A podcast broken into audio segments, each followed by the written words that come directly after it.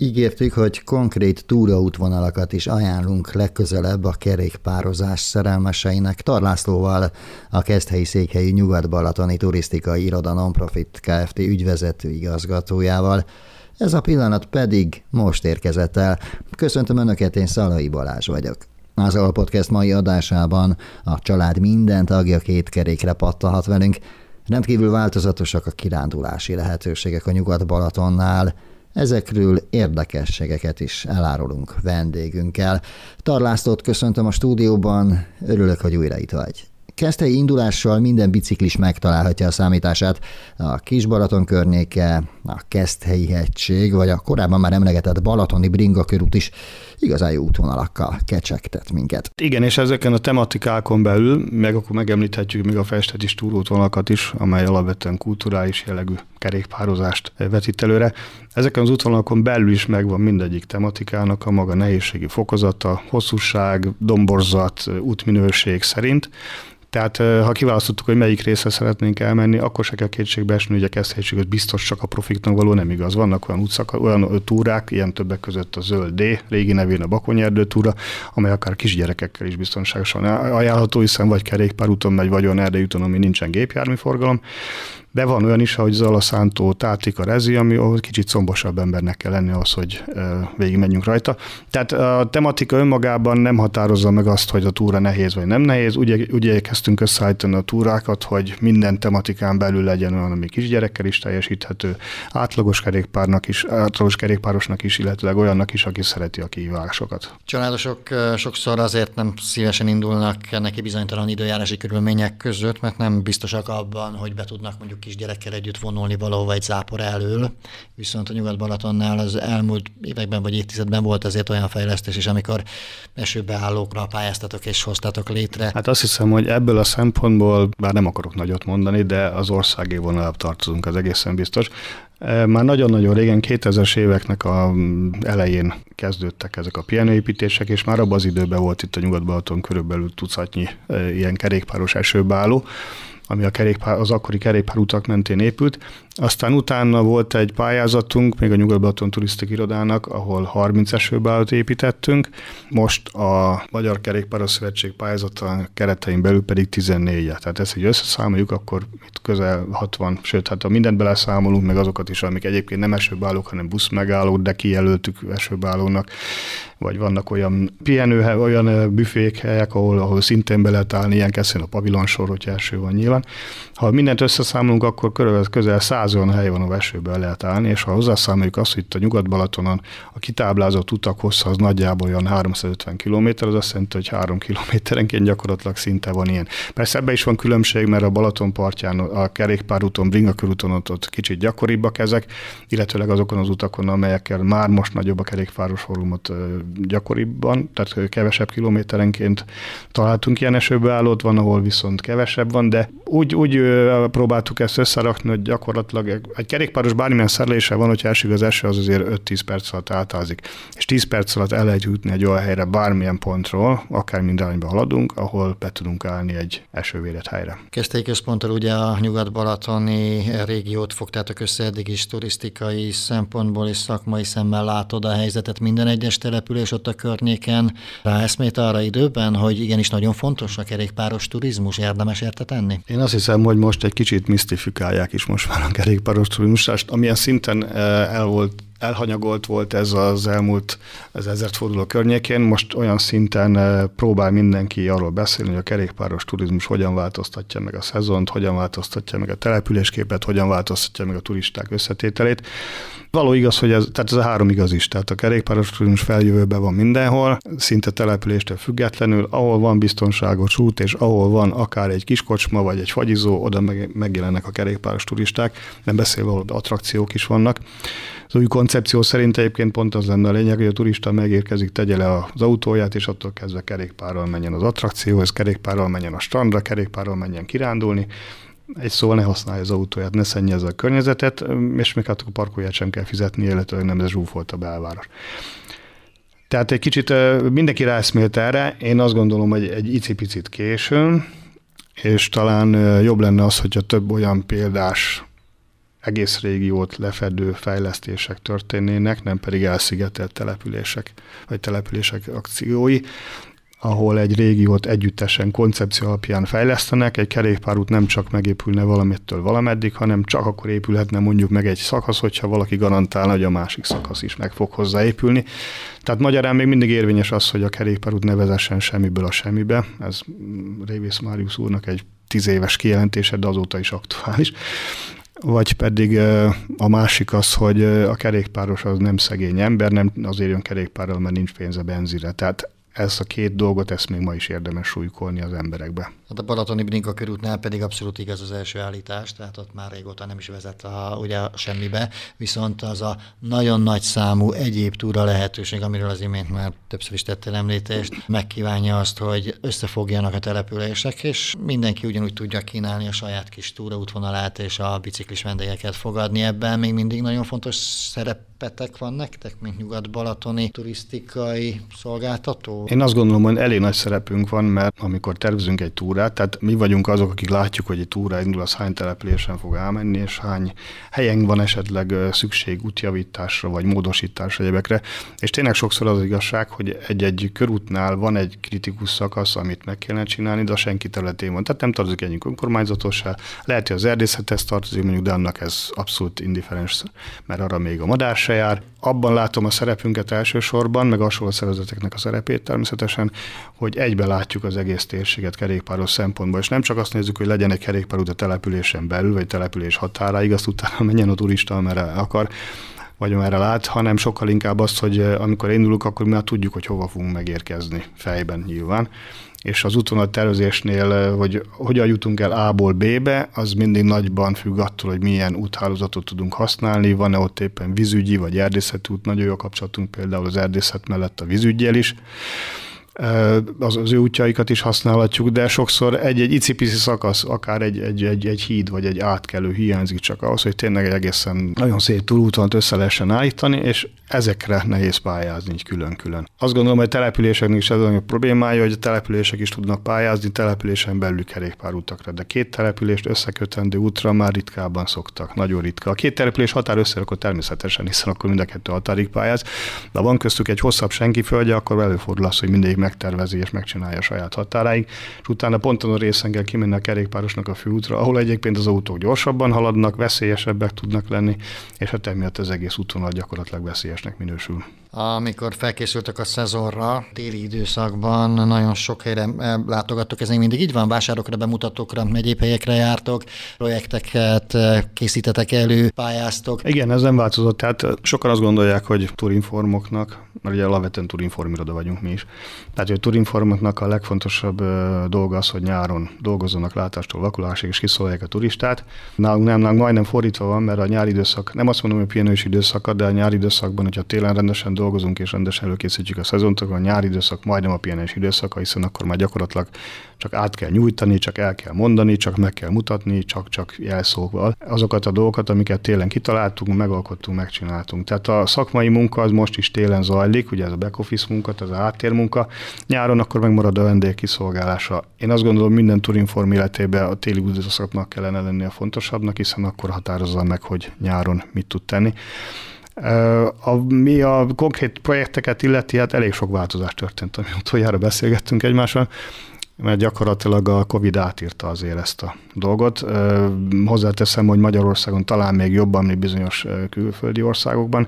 A vásározás, mint, mint, mint értékesítési vagy reklámozó forma, workshop, stb. ezek, ezek háttérbe szorultak, bár egy kicsit úgy tűnik, mint a jönnének vissza de háttérbe szorultak, tehát vásározó nem voltunk. Egyrészt nem is lehetett, másrészt meg eh, a szolgáltatók részéről sem olyan nagy az igény. Mindenki megvan arról győződve, hogy az internet majd mindent megold. Én ennyire nem vagyok optimista.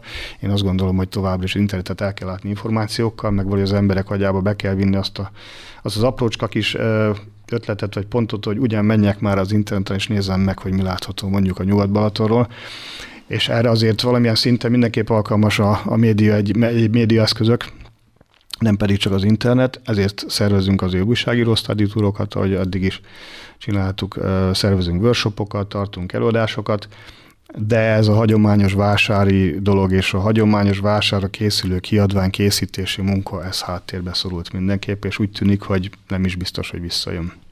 Az egyik legnagyobb Turinform iroda is vagytok egyébként a környéken.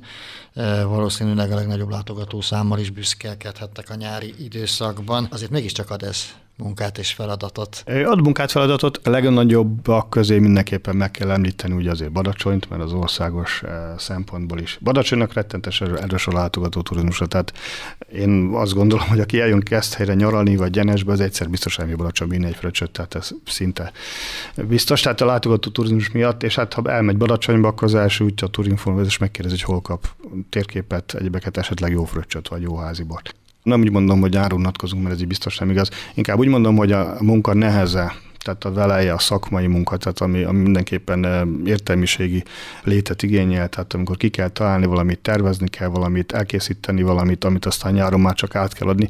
Tehát nyáron, hogyha tényleg jól dolgozik egy turinform, akkor nyáron gyakorlatilag akár még kisegítő személyzettel is tudja azt produkálni, amit egy turinformnak kell.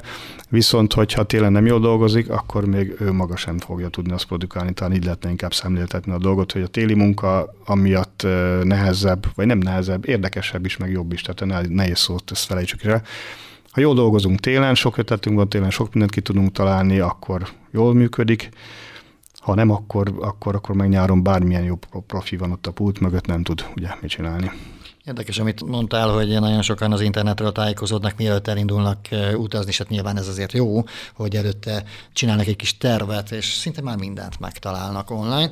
Ehhez képest még mindig van létjogosultságuk a Turinform irodáknak, hiszen keresik az emberek a személyes kontaktust, a találkozást, talán jobban bíznak egy helyi emberben, egy helyi szakemberben, aki ott tud beigazítja őket, és ajánl nekik valamit? Az interneten nagyon-nagyon sok minden megtalálható, ez biztos. Sőt, ha valaki elegendő türelemmel és idővel rendelkezik hozzá, akkor biztos, hogy mindent meg is fog találni előbb-utóbb. Tehát meg fogja találni a választ arra a kérdésre is valószínűleg, hogy melyik a legjobb keszthely étterem, hiszen a Google-nak is vannak értékelései, térképen, térkép mellett, meg hát az egyéb weboldalakon is fel van tüntetve, meg vannak olvasói vélemények, és vannak bloggerek, tehát akkora adathalmaz van az interneten, hogy Biztos, hogy megtalálja arra az egyszerű kérdésre a választ, hogy melyik a legjobb étterem Kesszeljen, hogyha egy kicsit konkrétumot, konkrétizálni akarjuk a dolgot. Viszont nem mindegy, hogy ez mennyi idő alatt teszi meg, és nem mindegy, hogy az információ az mennyi idős. Úgy értem, milyen régi a, ha nincs kellő ideje arra, hogy kikeresse, hogy utána járjon megfelelően, akkor nem biztos, hogy megbízik csak a Google értékelésbe, akkor inkább keres egy helyét. Na most egy hely, az utcán csak nem kérdezheti meg, hogy mondja egy jó éttermet. Kedves barátom, mert külföldön el is volt példa, sőt, még itt Magyarországon is többször megállítottak az utcán ezzel a kapcsolatos kérdéssel. De akkor bemegy a Turinform irodába. A másik része az, hogy az internet bármennyire napra kész, azért félórás dolgokat nem tud hirtelen produkálni, tehát sok esetben van olyan, hogy azért jönnek be hozzánk turisták, vagy mennek be a turinformba, hogy éppen most mit lehet csinálni, éppen most ma este, stb., mert éppen most nincs semmi a neten, de hát ha van valami, ami még nincs fönn, hát ha van valami kimaradt, hát ha egyebek. Ez is sokszor előfordul egyébként, mert valóban mindig előfordulnak olyan rendezvények, vagy olyan valamik, amik nem kerülnek fel időbe az internetre. Harmadrészt, hát valamilyen szinten, főleg az idősebb korosztály az, az igényli azt, hogy, hogy, hogy bejön és foglalkozunk vele. Tehát elkírja a térképet, hiába van rajta a térképen, hogy hol vannak a múzeumok, megkérdezi, hol vannak a múzeumok.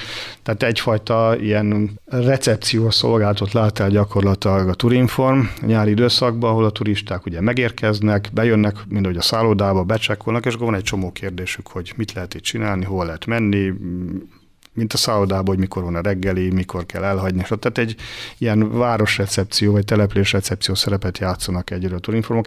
Egyébként a látogatói létszám az annak ellenére, hogy látjuk, hogy a felhasználói oldal lényegesen nőtt, tehát sokkal többen látogatják nyári időszakban a weblapjainkat, mint eddig. Ettől függetlenül az irodai látogató létszám sem csökkent. Tehát nyári időszakban az, az napi 300-400 ember, azzal tudunk számolni továbbra is. Tehát magyarán nem csökkenti. Biztos, hogy az ilyen emberek zöme az információésebb, de a neten is megtalálja magáit, és az egy réte, aki meg nem akarja neten megkeresni, vagy nem találja meg. Az előzetes szakmai egyeztetések, a tapasztalatszerzés, gyűjtés, ami megelőzi ugye a szezon elindítását, ez mit mutat most jelen pillanatban milyen szezon előtt áll a Balaton térsége? Nagyon sokan lesznek ismét a helyi, helyi turisták, a hazai turisták? Hát a hivatalos álláspont szerint nagyon jó a foglaltság.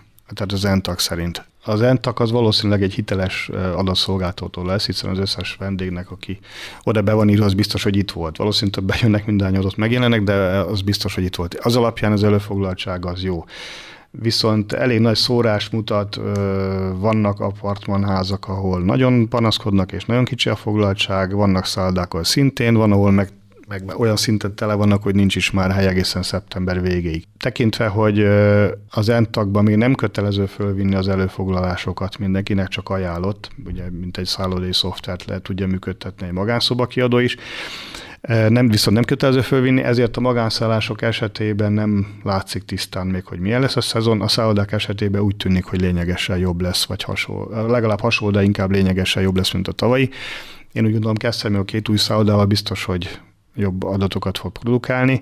Az is biztos, hogy Keszthelyön két új szálloda belépésével a vendégek egy része, aki eddig esetleg megelégedett egy gyengébb szállodával, vagy jobb minőségű panzióval, az átpártól legalább kipróbálás szintjén idén a két új szállodába, és oda nem biztos, hogy hirtelen jön másik vendég, mert ugye ez másfajta fizetőképes keresletet feltételez, de összességében az, én azt gondolom, hogy a tavalyi szintet biztos, hogy hozni fogja a Balaton. Nagyon jó szezont kívánok, nagyon jó munkát, és még egy utolsó kérdés, ez nagyon fontos. Te is nagyon szeretsz kerékpározni, nem véletlenül hoztuk most a biciklis témákat elsősorban ebben a beszélgetésben, és van kedvenc szakaszod, és lesz időd végigmenni rajta a nyáron? De van a szakaszon, minden többször végigmegyek, és nem csak a nyáron, télen is hozzáteszem. Én rengeteget kerékpároztam februárban is.